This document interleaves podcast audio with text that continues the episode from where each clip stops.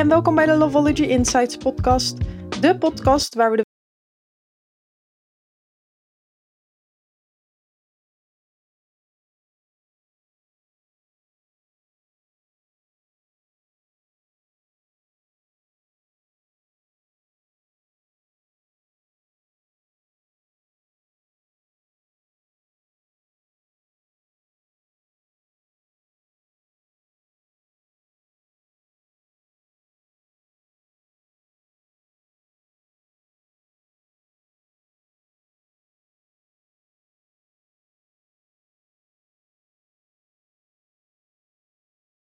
Hey allemaal en welkom bij een nieuwe aflevering van de Lovology Insights. Ik zit hier vandaag met Cher, ook Sherilyn, medium Bella, een hele goede vriendin van mij. En ik ben ontzettend blij dat je er bent.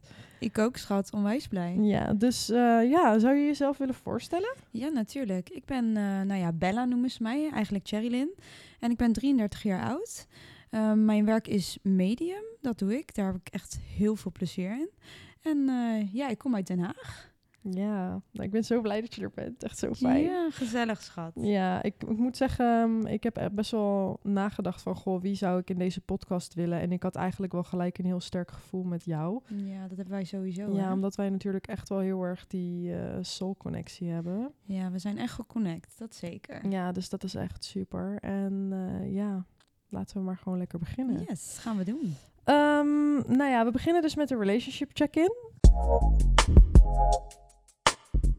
Um, en ik wil eigenlijk aan jou vragen, hoe gaat het op dit moment in je liefdesleven? Ja, op dit moment ben ik single. Ik ben er eigenlijk vrij weinig mee bezig. Ik denk dat dat ook wel goed is, want um, ja, hoe meer je met jezelf bezig bent, ook nu, hè, dus ik uh, op dit moment. Ik denk dat het gewoon heel goed is om juist liefde aan te trekken, want als je zelf liefde gaat creëren, nou, dan trek je weer liefde aan. Ja, zeker waar. Ja. Ja, ik denk dat het ook wel belangrijk is om gewoon eerst echt van jezelf te houden voordat je echt kan, ja, je open kan stellen voor iemand anders. Want het is natuurlijk heel makkelijk om, zeg maar, op het moment dat jij niet lekker in je vel zit, om gewoon bij een andere partner, zeg maar, jouw, jouw blijheid en hoe jij je voelt te laten afhangen van iemand anders. Ja, klopt. Dan hebben we het ook over energie en zo. Je wisselt natuurlijk energie uit. Ja. En ja, als jij niet goed in je vel zit, dan trek je ook waarschijnlijk iemand aan die ook niet goed in zijn vel zit. Klopt. En ik denk dat dat dan niet werk, gaat werken uiteindelijk. Ja, en heb je daar een voorbeeld van? Ja, zeker. Ik heb uh, zeker wel relaties gehad die uh, ja, niet werkten. Hè? En ook gewoon uh, veel narcistische relaties. Hè? Dus dan merk je ook bepaalde patronen waar ik heel erg in zat. En ik probeer er heel erg uit te komen. En ik zie wel dat dat in mezelf ook zit. waarom zit dat in mezelf? Nou ja, waarschijnlijk niet genoeg zelfliefde. Ja. En daardoor ook gewoon verkeerde mensen aantrekken. Ja, ja maar dat mannen. is ook wel makkelijk. Want ik moet ook zeggen dat ik kom ook wel echt veel mensen tegen die echt wel narcistische trekjes hebben. Maar ook veel mensen die er niet voor openstaan om aan zichzelf te werken. Klopt, het is natuurlijk heel moeilijk om naar jezelf te kijken. Hè? Ik begrijp het zeker ook. En um, wat ik heel erg heb natuurlijk, door die spiritualiteit die ik heb, hè, schrikken Mhm. mensen ook vaak. Ja. Dus je maakt iemand een soort van wakker. Ik denk dat jij precies weet wat ik bedoel. ja, dat heb ik heel erg. Ja. Nou ja, ik, ik merkte gewoon uh, nadat zeg maar mijn vorige relatie uit is gegaan, dat ik gewoon echt een beetje een soort van mijn derde oog uh, open heb gedaan. Ja. En dat was heel gek, want ja, weet je, ik, ik had altijd wel een beetje gekke dingen en gekke momenten in mijn leven waarop ik gewoon het gevoel had dat ik niet alleen was. Bijvoorbeeld, nou ja, wat we net hadden. Yes. Dat ik ineens ruis, ja, dat ik ruis hoorde hier in de Ja. koptelefoon en uh, dat we zeiden van, joh, weet je, het lijkt me goed als je nu weggaat en dat het daarna gewoon weg is. Ja, echt Dus, mooi hè weer. Ja, dat is echt geweldig. Maar Ja. ik, ik merkte wel dat, nou ja, zeg maar, um, voordat ik bijvoorbeeld voor de eerste keer met jou sprak, Mhm. had ik wel al het idee van, oké, ik heb het idee dat ik meer kan voelen dan dat hier is. Maar doordat ik met jou had gesproken, merkte ik echt dat gewoon, ik dacht van, oké, weet je, ik, Ja. het is, het is echt zo, zeg maar. Het is niet alleen maar een gedachte, maar jij zei ook dingen tegen mij, zeg maar, opsommingen van dingen waarvan ik dacht van, ja, dit is echt zo, weet je, dit klopt ook gewoon. Dat ik echt dacht van, wow. En ik merk ook wel dat ik dat eigenlijk in mijn relatie wil implementeren, maar dat het ook wel weer een beetje lastig is, omdat mijn vriend redelijk aards is. Ja. Maar Dat, ik eh, merk wel dat hij me ook alweer heel erg in mijn waarde laat. En dat hij me ook alweer gewoon laat doen wat ik zelf wil. Ja, dat is heel belangrijk, hè. Kijk, het geeft niet dat je verschillend bent, hè. Dat geeft ook niet. Iemand hoeft ook niet super spiritueel te zijn, hè. Maar als iemand maar, als iemand maar jou jezelf laat zijn, dat is zo belangrijk. Ja, dat Elkaar is accepteren. alles. Maar ik denk dat het ook een heel groot deel van je relatie gewoon fijn maakt. Zeg maar, je hoeft Ja. niet over alles hetzelfde te denken. Je hoeft niet over alles hetzelfde te zijn. Als je maar gewoon, ja, als je maar gewoon ervoor zorgt dat je allebei een beetje ja, gewoon de acceptatie hebt naar elkaar. Ja, dat is ook zo. Want je wil ook niet diegene veranderen, toch? Dat is niet iets wat jij wil. En jij wil ook niet dat diegene jou eh, wil veranderen. Hè? Dat wil je ook niet. Dus en dat is wel een dingetje altijd. Dat zie je heel veel in veel relaties. Dat vind ik. Kijk, jij hebt er meer ervaring mee, denk ik. Ook met je, ja, met je werk en zo. En ja, weet je, ik zie dat gewoon zo ook al heel veel. Met mijn werk ook. Ik zie dat eigenlijk ook met mijn werk heel Ja. veel. Nou, het onderwerp van de week is dus intimiteit en dan verbinding op emotioneel en fysiek niveau. En ik heb jou eigenlijk uitgenodigd omdat ik ook heel graag in wil gaan op het spirituele deel. Omdat Ja. er heel veel mensen zijn die nu eigenlijk steeds meer hun spiritualiteit ontdekken. Zeker. Maar dat ze dat dus ook in hun relaties ehm, proberen te implementeren. Mhm. En ik vroeg me eigenlijk af hoe dat bij jou gaat. Zeg maar, als jij een relatie met iemand aangaat of als jij iemand tegenkomt, hoe, hoe maak je die verbinding dan op eh, emotioneel niveau en op spiritualiteitsniveau? Ja wat, ja, wat er bij mij eigenlijk altijd gebeurt. Ik voel wel echt direct of ik een klik heb met iemand. Dat heb ik wel heel sterk. Heb jij dat ook? Heel erg. Ja, oké. Maar ik heb dat niet alleen met relatie, maar of in ieder geval met mannen, maar ik heb dat ook gewoon met mensen Juist. überhaupt. Je voelt eigenlijk gelijk Ja. of, of, je, of die vibe bij jou past of dat helemaal niet bij jou past. Ja, klopt, juist. En heel vaak heb ik ook gehad, hè, dit is dan weer een zelfliefde ding, van, weet je, dan denk je nee. En dan ga je toch ermee door. Ik denk dat dit ook wel heel herkenbaar Ja. voor jou is.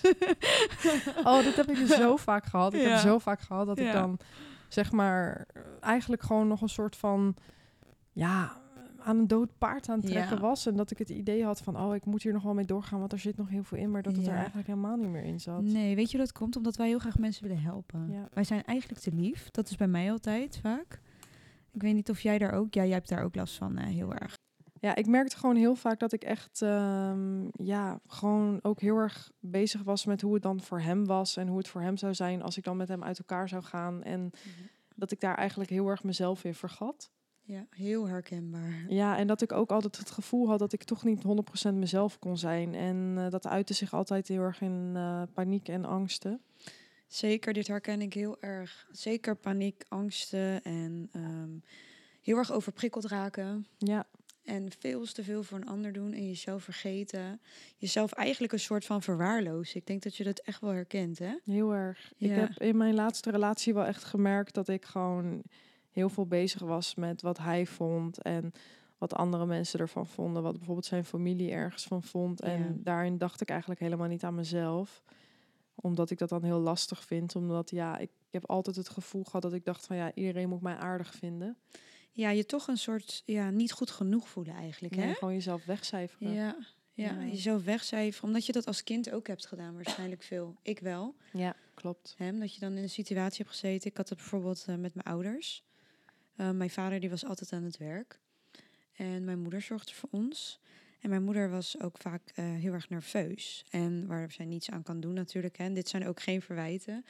Maar dit is iets wat je wel vormt als kind. Want tot je zevende levensjaar, als het goed is, eh, sta je in theta-stand. Hè? Ja.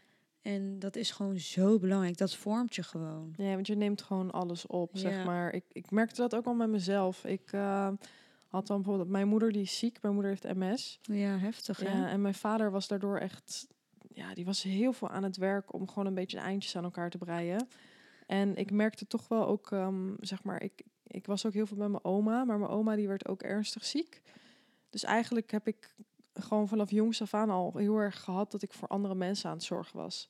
ja. En daardoor merk ik wel gewoon dat ik nu ook echt een hele zorgende rol heb. En ik wil dat iedereen beter maken. Ik wil dat iedereen helen. ja En dat merk ik in mijn relaties ook altijd heel erg. Want ik denk dan altijd als iemand gewoon een beetje gebroken is van ja, als ik eh, nou diegene kan helen, dan gaat het beter. En dan Ja. word je eigenlijk ook een soort van meer verliefd op de potentie van iemand dan dat je echt verliefd op de persoon wordt. Ja, ook een beetje het idee, hè, denk ik. Het, het, Ja. het willen fixen. En ook als je basisveiligheid gewoon niet goed is. Ja, dat, dat, dat was voor mij zo... Dat merk ik in relaties gewoon, dat dat Ja. echt een dingetje is. Ja, en ik merk ook wel dat ik het heel lastig vind bijvoorbeeld om ehm, me echt 100% emotioneel open te stellen. Want ik merk gewoon aan mezelf dat ik het dus heel lastig vind om, om echt mezelf te laten zien. Omdat ik heel erg bang ben wat diegene er dan van gaat, van gaat denken. Ja, eigenlijk speel je dan... Nou, je speelt niet. Je doet een soort rol aannemen wat je niet eens door hebt. Dus ik denk dat het niet bewust is. Ik denk dat het vanuit je onderbewuste is. Je neemt iemand aan eh, die diegene graag wil zien, hè? Ja. Dus je gaat dus steeds het pleasen. En dan komen we weer op hetzelfde stuk, hè? Dit Ja. blijft een cirkeltje. Het is echt zo. En weet je wat het ook is? Zeg maar, ik merk gewoon, eh, als ik terugkijk op mijn relaties, dat ik me eigenlijk altijd aanpaste naar degene met wie ik een relatie had. Maar ook qua uiterlijk Ja. en qua. Weet je, ik ging gewoon heel erg observeren van oké, dit is iets wat diegene leuk vindt. Of dit is iets wat, wat diegene heel erg trekt. En dan ging ik me daar echt als een soort chameleon aan. eh, Ja, heel herkenbaar. dus als ik dan ging daten met iemand, Ja. bij de ene, nou die zei bijvoorbeeld van ja, ik hou heel erg van crop tops. Dan ging ik allemaal crop tops dragen. De ander zei ik hou van jurkjes, ging ik allemaal jurkjes dragen. Ja, ik vind het zo herkenbaar. En ik moet zeggen, ik heb nu dus voor de eerste keer in mijn Ja. leven dat ik gewoon echt, echt 100% mezelf ben. En Zo fijn. ja, ik had het hier gisteren nog over met Megan, met me, een van mijn hele goede vriendinnetjes. En ik vroeg ook aan haar van ja, wat is nou eigenlijk mijn stijl? Want ik weet gewoon niet zo goed wat mijn stijl is. En het, ja. en toen zei zij tegen mij van ja, ik merk wel echt de laatste tijd dat je echt steeds meer je eigen stijl creëert. En eigenlijk is mijn stijl gewoon best wel basic, maar Mhm. toch ook wel weer een beetje masculine, zeg maar. Ik vind mezelf niet echt een, een super feminine vrouw of zo. Nee, maar dat hoeft toch ook helemaal niet? Iedereen is zichzelf. Ja. Dat is ook helemaal goed, hè? Ja, en ik Ja. denk toch ook wel, zeg maar, als je gewoon in je, je vrouwelijke kracht staat, zeg maar, dan hoef je ook niet heel erg er vrouwelijk uit te zien, zeg maar. Want Nee. ik vind het wel heel belangrijk om gewoon nog steeds heel erg in mijn vrouwelijke kracht te staan en niet alleen maar in mijn mannelijke kracht. En Ja. ja, Nou, ik heb daar dus best wel, nou, problemen wil ik niet zeggen, maar best wel moeite mee. Ik zit heel erg in mijn masculine energy, ja, maar ik zie er heel vrouwelijk uit. ja. Maar ik was vroeger ook echt net een jochie. Ja, echt? Ja, ik zat in bomen, ik was met de paarden, ik was altijd onder modder. Want als mensen me zien, denken ze, oh, dat is echt een tut. Ja. Weet je wel? Nou, echt niet hoor. Die ligt te rollen bollen door de modder, weet je Ik had dat ook als kind. Ik ging Ja. altijd, zeg maar, mijn, mijn ouders die wonen in, zeg maar, in de Phoenixwijk. Ja, jij hebt precies hetzelfde. Mhm. En toen dat nog niet af was met bouwen, Ja. liep ik daar altijd door de bouw heen. Maar dat is natuurlijk hartstikke gevaarlijk. Maar ik ging altijd link. spelen in de bouw. En Ja. mijn moeder werd helemaal lijp van mij. Want dan kwam ik weer thuis, had ik weer gaten in mijn nieuwe Ja. broeken. En alles goor. En oh, echt vreselijk. Ja. Zo was ik ook inderdaad. En weet je wat het erge was? Nou, Ik klom ook altijd het hoogste in de bomen. oh mijn god. Dus wie durft er het hoogst? Ja hoor, ik was altijd het haantje de voorste. Hè? Ja. Volgens mij was jij ook wel zo, echt zo'n stouterik, weet je wel.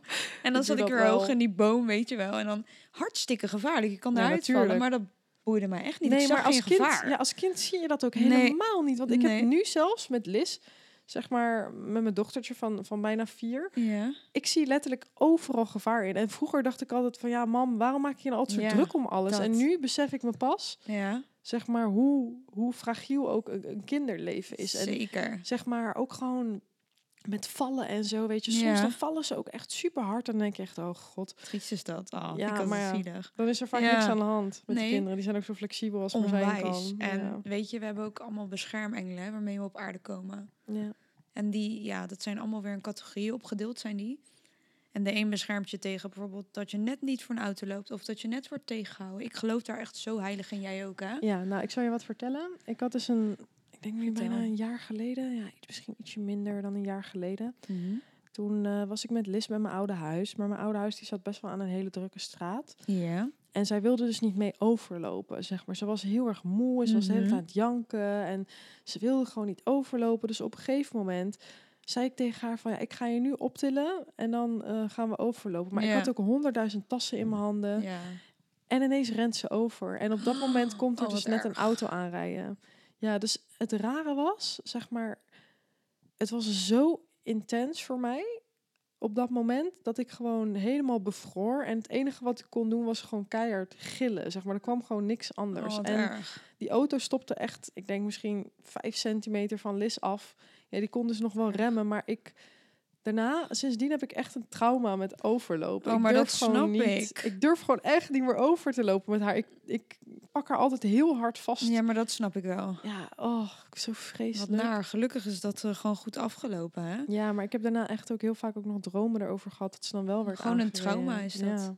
Ja, dat is zeker. Maar dan, daar ben je dan gewoon zo bang voor op zo'n moment dat je dat gewoon daarna weer in je dromen gewoon Klopt. door om, in je onderbewuste.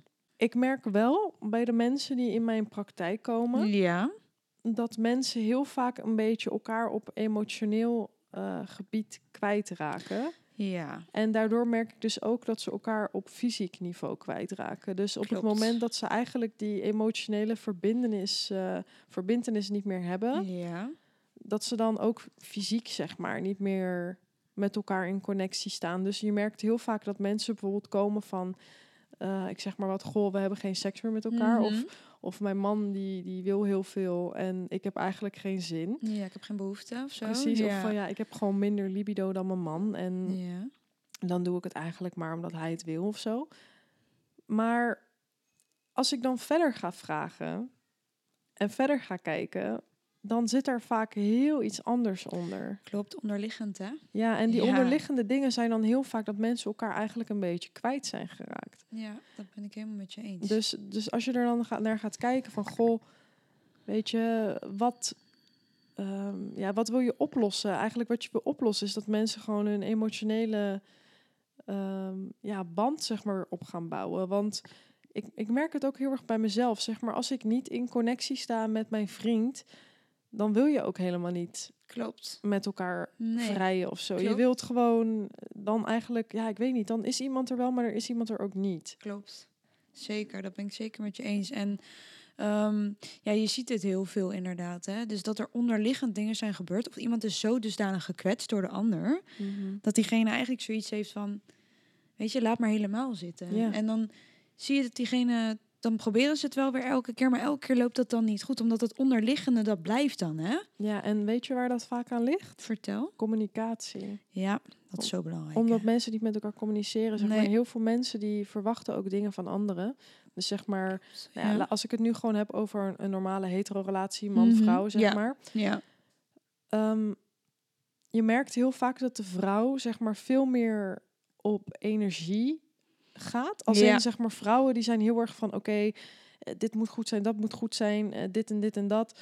En eigenlijk verwachten vrouwen heel vaak van mannen dat ze ehm, daarin meegaan zonder dat ze eigenlijk communiceren over wat ze willen. Dus Klopt. dan wordt er bijvoorbeeld gezegd van ja, ik, ik vind het gewoon fijn als, ehm, als alles gewoon goed is en zeg maar de, de sfeer moet er zijn en zo. En Mhm. ik wil graag dat mijn man dit en dit en dat doet. En dan vraag ik van joh, maar heb je, heb je daar dat ook tegen je man gezegd? Heb je Mhm. daarover gecommuniceerd? En dan zei ze nee, maar ja, maar ja, we zijn al zo lang samen, dus dat verwacht ik dan van iemand. En Ja, dan denk dat ik weet ja, hij toch wel, denken ze dan? Precies, Ja, terwijl ik dan denk ja. van ja, weet je, ik, ik snap dat als je een lange tijd met elkaar bent, dat je elkaar leert kennen.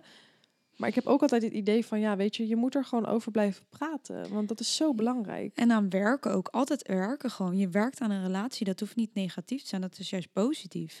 Als je werkt aan de dingen, dat is zo belangrijk. Want elke keer verander jij ook. Klopt. En die veranderen allebei, weet je wel. ja, jij verandert, je relatie Ja. verandert, de Ja. dynamiek verandert, want Om je heen gebeuren dingen. Er kunnen ook is het. bijvoorbeeld als er mensen overlijden of ja, er is een, een ingrijpende gebeurtenis in je leven, dan verandert jouw eigen relatie ook gewoon weer heel erg. ja, en, en je groeit natuurlijk ook allebei ouder, je wordt wijzer, Ja. je, je gaat Je qua leert. karakter vaak ook wel een soort verandering in, of in ieder geval patronen. Mhm. Sommige mensen willen heel graag patronen doorbreken, sommige mensen die gaan juist andere patronen aanleren. Mhm. En wat ik ook heel erg vaak zie, is dat mensen ehm, dan kinderen krijgen. En dat de kinderen dan opeens staan, waardoor ze eigenlijk hun partner een beetje vergeten. Omdat je dan hebt nou, je kinderen, je werk, je vrije tijd.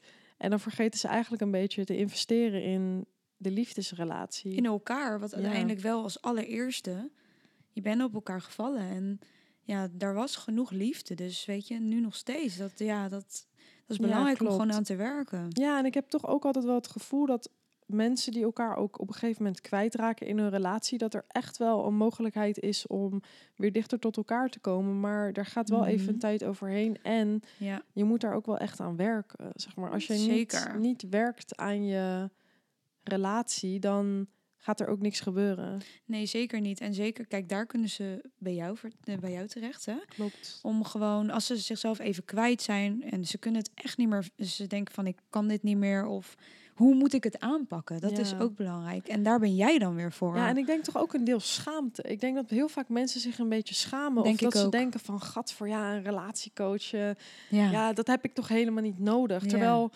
ik weet ook 100% zeker dat, dat elke goede relatie ook heel veel baat zou hebben bij zulke Tuurlijk. sessies. Want het is en het is gewoon een moment dat je even alleen met elkaar bent. Mhm. Dus gewoon met z'n tweeën, dat je echt even tijd hebt voor elkaar. En ik denk dat het ook belangrijk is om te weten dat, zeg maar, op zo'n moment is het gewoon ook een safe space om echt te vertellen waar je mee zit. En Klopt. het is gewoon een investering voor jezelf ook. Omdat ik merk gewoon heel erg dat eh, in, in mijn relaties die tot nu toe stuk zijn gelopen, dat ik wel vaak heb gedacht van goh, eh, als ik nou eens naar een relatiecoach zou gaan of van een relatietherapeut, Mhm. had dat dan beter geworden? Ja. Omdat je elkaar dan kwijtraakt. En heel veel mensen kiezen er dan voor om uit elkaar te gaan. Terwijl ik denk dat je altijd wel... Ja, Ja, weet je, er, er- ja, er is altijd wel iets. A way out, ja. Ja, om, om zeg maar... Ja, om gewoon dat gevoel te houden, denk ik. Klopt, ik denk dat zeker. Kijk, soms heb je ook, hè, als je bijvoorbeeld karmische relaties hebt of zo, hè, als we het zo even gaan bekijken, Mhm. dan heb je natuurlijk wel bepaalde stukken uitgewerkt, hè? En dat is iets waar je dus een karmische relatie, nou, wat is dat eigenlijk? Nou, dan moet je dus dingen leren hè, van Ja. elkaar. En je triggert elkaar dan enorm, hè? Je haalt dan juist de dingen naar boven bij elkaar die je eigenlijk niet wil. Je wilt ze wel helen, maar het is gewoon lastig. Laten we gewoon eerlijk zijn. Ja, en, en dat Ja. heb je natuurlijk ook met die twin flame Ja. connectie. Zeg maar, een twin flame connectie is eigenlijk één iemand in je leven die je tegenkomt... waarvan je eigenlijk 100% zeker weet dat klopt. dat diegene eigenlijk zeg maar ja hoe leg ik het uit dat ja bij heel hoort is, ook niet ja, ja, heel dat je heel bent met elkaar. Of ja, want hoe zie jij dat eigenlijk? nou ja, hoe ik het zie met een twin flame is zeg maar dat is iemand die je tegenkomt in je leven waar je gewoon heel erg gek op bent en waar je ook echt heel erg verliefd op bent maar waarvan je dus ook zoveel leert omdat het is eigenlijk ook een soort spiegel Ja, en zeker. alle dingen die jij op dat moment niet goed doet zeg maar voor jezelf eh, qua zelfzorg dat zie je daar ook in Mhm. terug Klopt. Ja. Maar een twin flame connectie is ook heel moeilijk, want je gaat eerst echt extreme hobbels over voordat er eindelijk klopt. rust komt. Ja, maar wat ik wel zie bijvoorbeeld met twin flame connecties, is dat het vaak verward wordt met narcistische relaties. Ja, Heb je dat ook? Is dat jou ook opgevallen? heel erg. Ja, hè? dus mensen denken dan, oh, weet je wel, het hoort zo te gaan. Maar dat is dus eigenlijk eh, waarom ik soms het moeilijk vind om te labelen, van twin flame, hè? Ja, en ik merk ook dat mensen heel vaak het gedrag goed gaan praten, omdat ze dan denken van ja, maar we moeten deze hobbels over of Ja, er moet verandering komen. En dat ik dan Klopt. denk van ja, maar sommige mensen zijn inderdaad gewoon heel narcistisch en ja, dat heeft helemaal niks te maken met de spirituele connectie. helemaal niets eigenlijk. En ja, tegenwoordig zie je dat ook wel meer, vind ik persoonlijk. Ik weet niet hoe jij er tegenaan kijkt, maar Ja, ik Ja. zie het heel veel. Ik zie gewoon sowieso heel veel mensen die echt vastzitten in een relatie. ja, En, en ik merk ook dat mensen zeg maar, zichzelf heel erg wegcijferen in relaties, omdat ze constant de ander, zeg maar, wat we al zeiden, ehm, willen Mm, pleasen, zeg maar. heel erg, hè? Ja. Ja, en ik, ik merk ook wel dat, dat er toch ook wel heel veel relaties zijn waarbij vrouwen uiteindelijk wel erachter komen, achteraf, dat een man of andersom, dat een vrouw, dat zou ook net zo goed kunnen, dat die dan narcistisch blijkt te zijn. Of in ieder Ja. geval narcistische trekjes vertoont. Trekjes. En ja, kijk, een narcistisch iemand is natuurlijk ook heel moeilijk om mee te leven, omdat iemand jou eigenlijk isoleert. ja.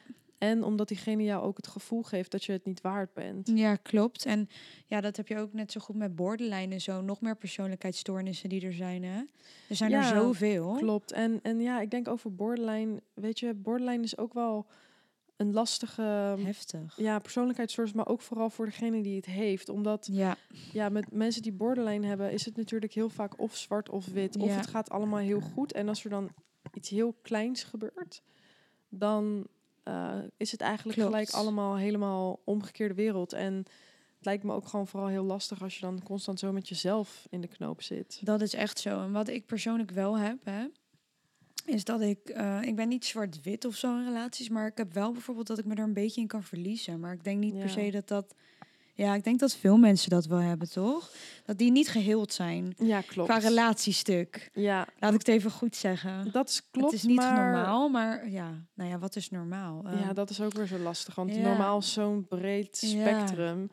Maar ik moet wel zeggen, ehm, als ik naar mezelf kijk, Ja, naar jezelf. Dat wilde ik vragen inderdaad aan jou. ja, ehm, ik merk dat ik na mijn laatste relatie ben ik best wel Mhm. snel in de relatie gestapt waar ik nu in zit. Ja.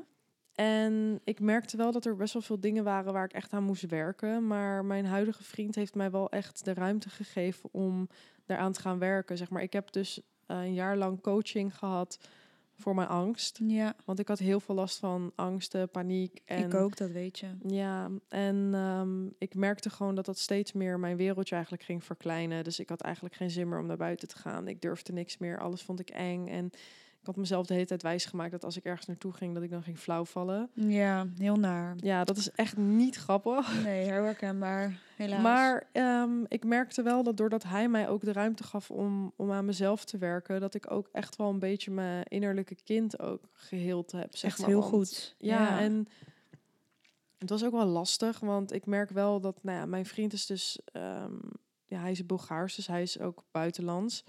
En ik merk toch ook wel dat daarin qua cultuur ook wel verschil zit, omdat hij namelijk, zeg maar, echt uit een cultuur komt waar je dus geen, waar je bijvoorbeeld geen therapie neemt, omdat dat raar is of omdat dat klopt. klopt gewoon niet. En hier zijn we daar toch wel wat meer open over. Maar hij staat wel bijvoorbeeld open om zijn eigen sores aan te pakken. Weet je, gewoon is dingen uit het verleden. Ja, en ik denk dat dat je relatie ook wel weer heel sterk maakt. Ja, maar ik weet wat je bedoelt trouwens, om even erop terug te komen over dat buitenlands. Ik ben natuurlijk half Italiaans, Ja. hè? Dat weet je, de, Ja. de luisteraars, ehm, sommigen wel, sommigen niet. Maar wat ik inderdaad heel erg hier aan merk, mijn vader bijvoorbeeld. Ja, of bijvoorbeeld mijn vader, mijn Italiaans vader, mijn vader is Italiaans. En dan bijvoorbeeld mijn opa, die is dan Nederlands van mijn moeders Mhm. kant, hè?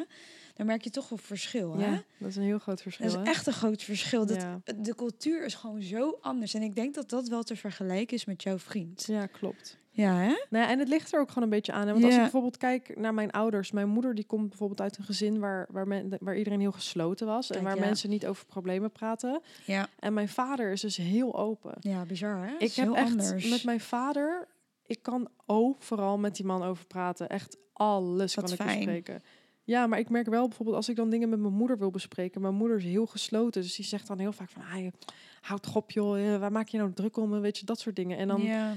Dat vind ik best lastig, want ze is echt een super lieve vrouw en ze doet echt heel erg de best. Maar ik merk wel dat ik daarin wel Wat meer nodig heb misschien. ja, en dat ik Ja. het jammer vind dat ik dat dan niet heb. En Ja. ik heb dat bijvoorbeeld wel heel erg met mijn vader. En Ja. ik kan hem echt op elk moment van de dag bellen en dan gewoon vragen van joh, dit en dit is er aan de hand of advies vragen. En dan komt hij altijd gewoon met een supergoed idee en dat blijft dan ook tussen ons. Ja, dus Dat is heel fijn dat je dat sowieso wel dan met een van de twee hebt. En kijk, iedereen is inderdaad anders. En weet je, je jeugd vormt je gewoon. En waarschijnlijk heeft zij dat dan ook gewoon, ja, is wat lastiger huis, gehad, ja, of- vanuit huis meegekregen. ja, ik wil net zeggen. Of gewoon dat er gewoon helemaal niet over gevoel gesproken werd. En dat dat voor haar niet common is. Nou ja, normaal, moet ik even zeggen. Ja, ja, ja, weet ja. je? Dus en dat kan ook gewoon. ja, dat is ook geen, dat maakt niet uit. Alleen dat kan jou dan weer inderdaad beïnvloeden. Ja. In je huidige klopt. relaties. Is echt zo. Oké, ehm, ja, ik wil met jou gaan praten over het intimate drama. Is er iets wat jij hebt meegemaakt, zeg maar, bijvoorbeeld toen je aan het daten was, toen je in een relatie zat, of terwijl je bijvoorbeeld seks had of intimiteit, waarvan je echt dacht van, oh, dit is echt zo grappig, hier moet ik echt even, zit dit kan ik echt vertellen, is echt een leuk verhaal. Jeetje, ik kom er zo 1, 2, 3 even niet op. Ehm, ja, ik heb, weet je, ik heb best wel veel meegemaakt op relatievlak. Sowieso Mhm. heel veel. Ehm, maar zo 1, 2, 3 weet ik het eventjes niet. Hm, en jij?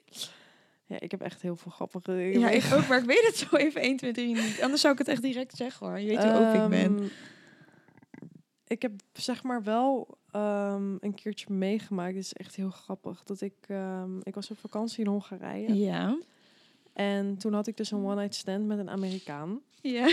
ik En moet nu al lachen. ja, dit was echt, het is echt een heel grappig verhaal. En ehm, nou ja, weet je, ik heb gewoon niet zo heel snel dat ik iemand mee naar huis zou nemen. Want Nee. ik ben echt iemand van een connectie. Ik, ik moet ook. echt, echt een connectie met iemand voelen. Maar ja, ik was toen vrijgezel. Ik was nog heel jong. Ik ja, was precies. Volgens mij was ik 18. Nee, ik was, ja, ik was volgens mij net 18.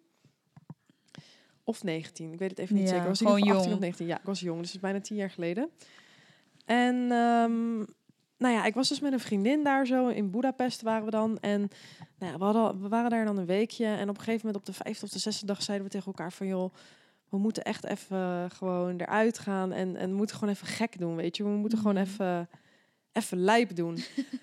dus eh, nou ja, wij waren op een gegeven moment naar zo'n tentje gegaan. Simpla Kert heet dat volgens mij. Dat was dus een van de beetje meer bekendere barren daar zo. Ja. En op een gegeven moment zagen we dus een tweeling staan, Amerikaans. God. ja.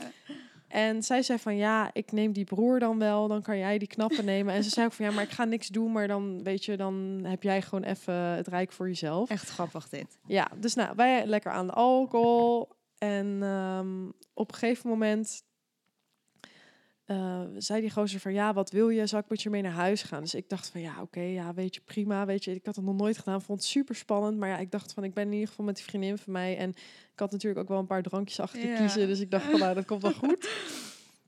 Dus op een gegeven moment ehm, ja, liggen we in bed. En nou ja, we hadden gewoon de daad gedaan. Was echt, het sloeg echt helemaal nergens op. Het was echt super slecht. Oh god. Ik had er later ook echt spijt van. Ja, maar ik dacht ook van ja, waarom heb ik dit ook gedaan? Weet je, het slaat echt nergens op.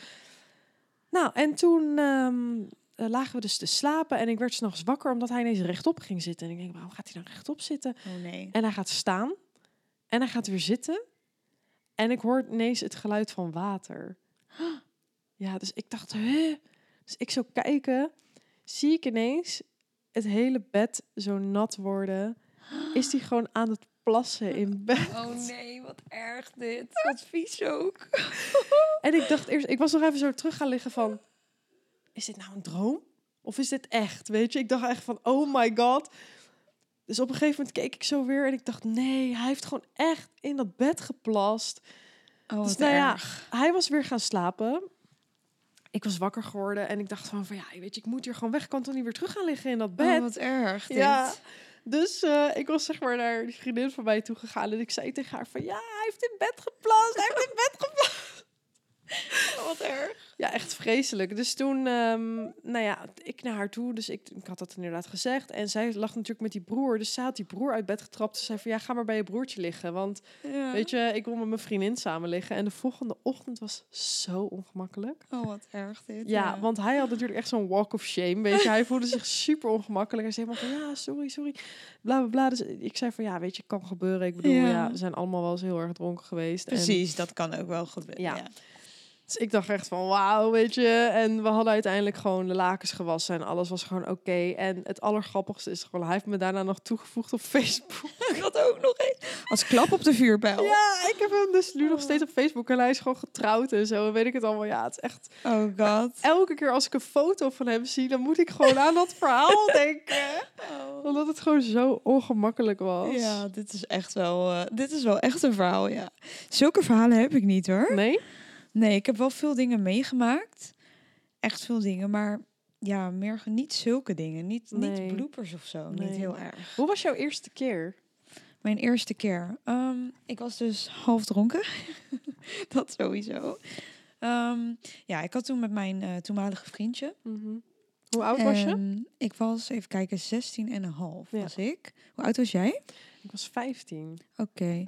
Kan je Eh, nu niet meer voorstellen eigenlijk. hè? Zo gek, jong. hè? Ja, want ik, Als ja. ik nu 16-jarige zie, dan denk ik van... Toen ik 16 was, dacht ik echt dat ik al de hele wereld aankwam. Ja, dan denk je echt dat je alles bent of zo, hè? Op zo'n moment. Dat is echt zo. eh, Nou, maar goed. ehm, ik ben even aan het nadenken. En toen eh, gingen we dus op een gegeven moment... We waren bij een feestje geweest. Mhm. En toen gingen we op een gegeven moment naar mijn huis. Toen Mhm. er tijd bij mijn moeder woonde Ja. ik, ja. En ehm, ik kan me er nog van herinneren, want ik herinner het wel. Je herinner- herinnert dat altijd wel, Ja. toch? En ik herinnerde mij dat ik, ja, ik was best wel, wat ik zei, best wel aangeschoten. En het deed echt mega veel pijn met mij. Ja. Ja, het was gewoon echt. eh, de eerste keer was niet leuk. Ik vond de eerste keer niet zo leuk. Ja, en het was, ja, het ging allemaal best wel snel. En ik was best wel, ja, wat ik zeg, aangeschoten. En daardoor deed het volgens mij wel minder pijn, denk ik. Maar het deed alsnog heel erg pijn. Ja. Dat herinner ik me eigenlijk voornamelijk van de eerste keer, eigenlijk. Ik had dat ook tijdens mijn eerste Ja. keer. Ik vond het echt Heel heel, veel zeer. Ja, en ik, was ook best wel aan het bloeden daarna. Ja, dat heb ik ook gehad trouwens. Ja, en ehm, toen, toen wilde ik eigenlijk ook gewoon helemaal geen seks meer hebben. daarna. Nee, want toen dacht ik van nee, ik, wil dit niet. Want dit doet Nee. echt pijn en ik voelde me heel ongemakkelijk. Ja, en, het is helemaal niet leuk. En Nee, ja, gewoon gelijk Ja. zo'n slechte associatie. En Ja. gelukkig was de tweede keer dan wel een stukje beter. Maar bij mij ook, ja. Ja. En ik had toen ook nog niet mijn borsten gedaan. Ik was altijd heel erg extreem onzeker over mijn borsten. mhm. En ehm, ja, dat, dat maakte mij gewoon best wel onzeker tijdens de seks. Snap ik.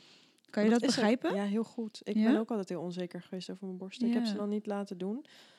Ik zou het wel willen, maar ik vind het toch ook wel weer heel spannend, omdat ik, ja, ik hou gewoon niet van operaties en zo. En ik, ik ben er gewoon bang voor. Maar Dat snap ik. Ik heb altijd dat ik gewoon heb gedacht van, oké, mijn borsten zijn echt, ja, gewoon heel klein. Zeg maar, ik heb net aan een 75B. Ja, dat had ik dus ook, eh, Do. Maar Ja. ik heb dus ook gehad dat ik naar zo'n kliniek toe ging. Ja. om zeg maar zo'n ehm, ja gewoon zeg maar zo'n vergroting consult ja om zo'n ja. consult te doen van vergroting en toen zei die arts dus tegen mij je borsten zijn onderontwikkeld en sindsdien Ah, maar dat is echt niet normaal. nee ja sindsdien voel ik me zo onzeker over mijn borsten maar weet je ik Ja. ik heb nu heb ik het echt geaccepteerd want kijk weet je ik bedenk me ook gewoon mijn kind heeft borstvoeding gehad ja. dus ze werken gewoon prima Nou, heel fijn is Ja, dat. en ja. ze zijn gewoon kleiner, dat weet ik. Maar Geeft daarentegen... Nee, en ik heb ook best wel brede heupen en, Mm. en best wel flinke billen. Dus ik denk dat het ook gewoon bij mijn lichaam past. Prima toch? Maar dat is helemaal goed. Er zijn, weet je, iedereen heeft ook zijn voorkeuren. Hè? Klopt. En ehm, kijk, wat ik bij mezelf mooi vind, dat hoef ik bij een ander niet mooi te vinden. Hè? Dus ja, ik bedoel daarmee te zeggen, iedereen is gewoon uniek. En Ja, je moet Ja. gewoon doen waar jij jezelf het beste bij voelt. Kijk, precies, als jij je fijn voelt bij het idee om bijvoorbeeld botox in je, juist, in je rimpels te laten Ja. spuiten, dan moet je dat gewoon lekker gewoon doen. doen. Ja, en gewoon helemaal niet nadenken over wat andere mensen daarvan vinden. Nee, want zeker niet. mensen hebben toch wel een mening. Dat en is echt zo, ja. dan maakt het niet heel erg uit, zeg maar, wat jij doet. Want als ik bijvoorbeeld denk aan nu het feit dat ik dan nu seks- en relatiecoach ben geworden. Mensen hebben daar ook een mening over. Ja, boeien. Maar dat zijn vaak mensen die heel Ja. onzeker zijn en mensen die heel erg een tekort aan zichzelf hebben. ja, klopt. Oké, lieve Cher. Ja, schattie. Echt grappig. Iedereen noemt jou altijd Bella, maar ik noem jou lekker Cher. Want ik ben gewoon anders. Ja, echt hè. Wij zijn anders. Ja, maar echt. Aliens. Oké, ik ga stuk. ehm, nou, ons volgende subject is de love letter. En in de love letter gaan we het dus hebben over kijkersvragen. Ja, en leuk, ik heb dus een hele mooie, lieve vraag binnengekregen. Ja, vertel. Bedankt daarvoor. Ehm, nou ja, hier is dus een luisteraar die vraagt van... eh, ik heb een jongen leren kennen en ja, we hebben het heel erg fijn samen... maar hoe kom ik erachter of het een echte connectie is of dat het meer lust is? Ja, dat is best een, best een lastige vraag, hè? Want ik verwar het vaak.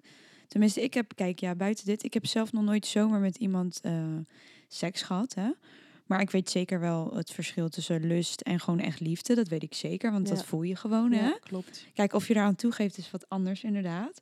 Maar hoe voel je dat nou? Ja, hoe denk jij daar eigenlijk over? Daar ben ik wel benieuwd naar. Dan zal ik straks mijn eh, ding vertellen. Nou ja, wat ik denk, zeg maar wat ik voel is... Mhm. ehm, ik merk bij lust heel erg dat ik... ehm, Snel uitgekeken ben of niet? Heb je ja, dat? maar toch ook dat ik dan de connectie niet met iemand voel. Zeg maar wel een connectie als in dat je denkt van... oké, iemand ziet er goed uit en Ja, hij is sexy. Maar ik merk dan toch dat ik meer op het uiterlijke afga dan echt Ja. op het innerlijk. En ik, ik weet niet, ik vind het gewoon heel lastig om een one-night stand te hebben... omdat ik dan ehm, heel erg de afstand voel met iemand. ja, En ik vind het juist heel fijn om eerst de diepte in te gaan met iemand... en echt, ja.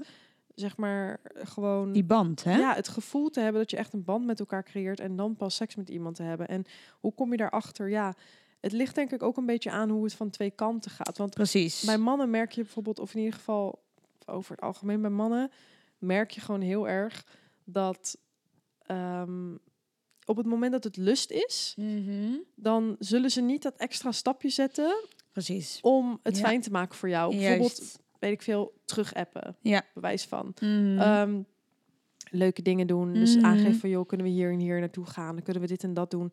Dan is het echt alleen gericht op seks. En dan zal hij waarschijnlijk gewoon op het moment dat hij even jeuk heeft, gewoon... ja, eh, precies. Even zo gezegd. ja. Ja, Heb jij dat wel eens gehad?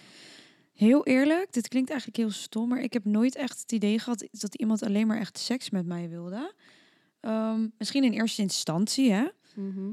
Ehm, maar ja, nee, ik heb daarna altijd wel gehad dat een man dan toch echt heel erg geïnteresseerd in mij raakte, hè? Ja. Dus ik denk Maar dat jij dat ook, wel. Ja, maar jij hebt echt een beetje iets... mysterieus om jou heen. Ja, klopt, en ik, zeggen veel mensen. ik denk dat eh, op het moment dat iemand seks met jou heeft, dan doe je natuurlijk ook energetisch gewoon iets uitwisselen met elkaar. Ja, ik heb wel eens gehad, hè, eh, met iemand. Daar ging ik dus ook een tijdje mee om. En daar was ik zelf heel erg gek op. En ik heb met hem gehad dat hij ook echt zei... Diegene was ook wat ouder, hè. En diegene zei ook echt eh, na de seks... Wow, ik heb dit echt nog nooit meegemaakt. Die connectie is zo, was zo intens en het was zo... Het was zo diep. Ja, ik kan het niet uitleggen, zei hij. Het is Ja. echt bizar gewoon dit. Terwijl diegene ook wat ouder was. Hier kan je nagaan, hè. Dat is echt gek. Ik denk dat jij dit ook wel herkent. Ja, dat heb ik gewoon Ja. met mijn huidige vriend. Zeg Ja. maar. Wij gingen dus daten nadat ik uit elkaar was met mijn ex. En Ja. met mijn ex ben ik zeven jaar geweest. Dus dat Ja. was best wel een lange relatie. Wel En een tijdje. Ja, en hij kwam ook uit een relatie van vijf jaar. Dus hij had gezegd van, joh, weet je, we kijken wel waar het naartoe gaat, maar Mhm. verwacht er niet te veel van. Ja. En weet je, ik had ook zoiets van, ik wil niet gewoon met iedereen en alles maar het bed delen. Dus Nee, ik dacht ook snap van, ja, ik. weet je, als het alleen, zeg maar, als het alleen intimiteit zou zijn en niet liefde, had ik het Mhm. ook niet erg gevonden. Maar ik merkte eigenlijk al gelijk dat wij een hele goede klik met elkaar hadden. Ja, dat Echt zei je ook toen tegen mij. Heel goed, ja. En Ja. zeg maar ook toen ik met hem voor de eerste keer ja, gewoon intiem was geweest, toen zei hij ook tegen mij van ik heb nog nooit zoiets met iemand meegemaakt. ja, dat is gewoon intensiteit, hè? Heb je het Ja, nu ook over, hè? Ook gewoon de connectie. Dus Ja. dat je zo een diep verlangen naar elkaar Ja, dat. hebt. Dat Ja. op het moment dat zeg maar, het was ook grappig, want ik heb met hem dus ook gesproken van joh, eh, weet je, wa- was hij nog met andere vrouwen aan het daten? Toen zei hij nee, ik was al met iemand aan het daten, maar dat was uiteindelijk niks geworden. En toen zei hij ook van, ehm, maar eigenlijk heb ik nooit gehad dat ik echt dacht van goh, dat ik iemand bij mij wilde laten slapen. Ja, Of dat hij gewoon dacht van oké, weet je, als ik met diegene seks heb gehad, dan mag diegene gewoon weer lekker weggaan. Ja, want dan is het gewoon klaar. ja, want dan wil ik gewoon weer lekker alleen zijn. En ik merkte gewoon aan hem ook dat na de eerste keer dat wij eh, zeg maar seks hadden gehad, toen zei hij ook van joh, blijf je slapen. En toen zei ik van ja, ik vind dat niet zo fijn, want ik slaap gewoon niet zo heel lekker bij andere mensen. Nee, ik wil altijd gewoon lekker in mijn eigen bed liggen. En toen kwam hij eigenlijk het weekend daarop al gelijk een nachtje bij mij logeren. En toen kwam ik op, eh, zeg maar, toen was hij op zondag weggegaan. En toen ehm, zei hij zondagmiddag van ja, kom je naar mij toe. Dus toen was ik weer naar hem toe gegaan en was ik lekker met hem gebleven. Zo leuk. Ja, en toen zei ik tegen hem van ja, ik, ik vind het dus niet fijn om bij andere mensen te logeren, omdat ik gewoon mijn eigen spulletjes wil hebben en Ja. weet ik het allemaal. En dat had hij dus onthouden. En toen had hij dus een paar dagen later belde hij me. Toen zei hij, ik heb make-up doekjes voor je gehaald. Ik heb een Oh. tandenborstel voor je gehaald. Ik heb dit en dit Zo voor je gehaald. Ja, en toen zei hij van ja, en als je nou wat kleren bij mij neerlegt, dan vind je het misschien fijner om hier te logeren. En toen dacht ik wel echt van oké, dit is wel echt meer dan Ja. zeg maar. Dan alleen lust. En ook, Ja, en ook gewoon, dit is echt masculine energy. Daar ja ik vind dat Oh, moet. dat moet. Maar het is ook, weet je wat het is? Wij zijn hele sterke vrouwen. Ja, klopt. En ik merk gewoon, als ik voor mezelf mag spreken, maar ik denk dat het ook voor jou zo is, ja. dat op het moment dat jij ziet dat een man echt moeite voor jou doet Ja. en ook echt zeg maar even dat extra stapje zet, Ja. zo- zoals wat hij dan heeft gedaan, dat hij dan weet je dat ging doen en Klopt. ik had bijvoorbeeld ook verteld dat ik heel graag van die eh, fans eh, wilde hebben zeg maar met zo'n platform, Ja. maar dat ik eigenlijk niet zo goed wist of ik het moest kopen en ja ik zat ook gewoon toen even niet zo lekker met geld. ja, dat kan. Toen had hij dat ook na vier dagen voor me gekocht. Ja, Zeg maar, super had hij, zei hij lief. van ja, ik heb een pakketje Ja. voor je. Dus ik zei een pakketje voor mij. En toen had hij dus, eh, zei hij van ja, pak het maar uit. En toen waren het dus die schoenen. Echt Dus- zo lief. Weet je, dat zijn gewoon dingen. Ik denk dat je daarin echt kan zien dat het echt een connectie is. Klopt. En niet dat het alleen lust is. Want als het alleen lust is, dan is iemand echt alleen maar puur gefixeerd op het seks hebben. En niet op Ja. alles wat daarbij komt kijken. Of bijvoorbeeld hè, ehm, dat iemand dan alleen maar daarover het gesprek weer draait. Dus Ja. continu daarop draait. Hè? Oh, dat vind ik zo vervelend. Dat is echt fucking irritant. Ja. Sorry dat ik het even zo Nee, zeg. maar dat is echt zo. Ik vind dat zo irritant. Zeg Ja. maar dat je gewoon vraagt, hey, hoe gaat het? Ja, ik heb lekker aan jou gedacht. En dan denk ik, oh, gadverdamme, hou op. Dat is echt zo'n standaard iets. Weet je wel, kijk. Het ligt Of ook dat aan je hoe ze het zeggen. Ik ga douchen. Mag ik mee? Of gewoon je, Stuur even een foto. Zonder mij. Ja, oh, ik vind dat echt... Oh, mijn haren gaan. Ik krijg echt kippenvel hiervan, joh. Ik kan dat echt niet handelen. Het is wel anders als het natuurlijk je vriend is. Dan vind ja, ik het dan juist is het heel leuk. leuk. Dan is het leuk om elkaar Ik te hou een teasen. beetje van teasen. Ja, ik ben een onwijze teaser. Ja. Eh, ja. enorm. Ja. Maar ik denk dat het, ja, ik weet niet. Ik, ik vind het gewoon zo cringe altijd. Als je dan bijvoorbeeld iemand online leert kennen voor, Ja. ik kan zeggen voor example, Ja. bijvoorbeeld. Ja, bijvoorbeeld, ja. Ehm, ik had dan eens een tijdje Bumble. Want Tinder vond ik al helemaal niks. En Bumble Nee. was wel oké. maar dan, zeg maar, ik, uiteindelijk heb ik echt alleen Alex geliked. En was dat gelijk goed. Maar ik ging dan bijvoorbeeld met gasten praten. En dan zei ik van, oh, ik ga slapen. En dan zeiden ze, oh, heb je niet zin om te kroelen? En dan dacht ik echt van, ah, hou je nee. kop dicht. Nee, als ik wil kroelen, dan ga ik wel gewoon met mijn kat kroelen of zo. Afknapper, weet je wel. Ja. Ja, inderdaad. Dat is ook wel leuk om misschien een keer te bespreken. Ja. Dating sites. ja. Want dat is ook nog een heel Online ding. daten. Online daten. ja, want dat is bij mij. Dus ik ben helemaal niet... Ik ben gedwongen half door mijn vriendinnen. Ga op dat Tinder. Ga dit. Ga, dat heb ik een paar keer dan gedaan. Nou, uiteindelijk heb ik wel een ex van mij ehm, Mhm. Leren kennen op Tinder. Daar ben ik ook verloofd mee geweest, hè. Ja. Maar kijk, dus het kan wel. En ik ken ook echt mensen die gewoon, ja, kinderen hebben nu. Van iemand die ze op Tinder Ja, hebben nou ja, dat heb ik dus met Alex. Want wij Ja. hebben elkaar op Bumble leren Ja, kennen. maar dat is toch super leuk. Ja, dat vertelde je inderdaad. Ja. Ja, echt. eh, Nou jongens, dus even een tip van de week. ja. Je kunt een relatie krijgen door een dating site, maar Maar alleen met iemand die heel serieus is. je merkt het gelijk eerlijk. Ja, ja, dat een paar- Oeh, er mijn Dodi laat weer even lekker op. Oepsie, mijn telefoontje. Ah joh, natuurlijk mogelijk hè. Dit. We Ja, moeten het zo natuurlijk mogelijk houden. Oké, nou lieve, lieve, lieve, lieve Cher. Ik wil jou echt Ja. zo erg bedanken voor deze aflevering en dat je bij mij te gast wilde zijn. Ik vond het Ja. echt ontzettend gezellig. Het was super fijn, schat. Echt. Ehm, als jullie Cher willen volgen, ik ga even in de beschrijving haar Instagram neerzetten, Medium Bella. en ook op TikTok, dat is ook en op. TikTok, Ja. zeker. En Cher die doet dus ook readings en tarotleggingen en zo. Ja. Nou dan niet tarot zelf, maar ja, kaartleggingen. kaartleggingen inderdaad. Dus mocht het zo zijn dat je dit heel erg interessant vindt en dat je heel graag een keer wil weten hoe of wat, ik zet alles in de beschrijving en dan, eh, ja, dan zien we Ja. jullie vanzelf. Ja, heel erg bedankt, lieverd. Bye, ook. Doei. Bedankt voor het luisteren naar deze aflevering. Willen jullie nou meer zien? Volg me dan op lovology-nl op Instagram. En mocht je vragen hebben, stuur een mailtje naar info@lovology.nl. Tot de volgende keer!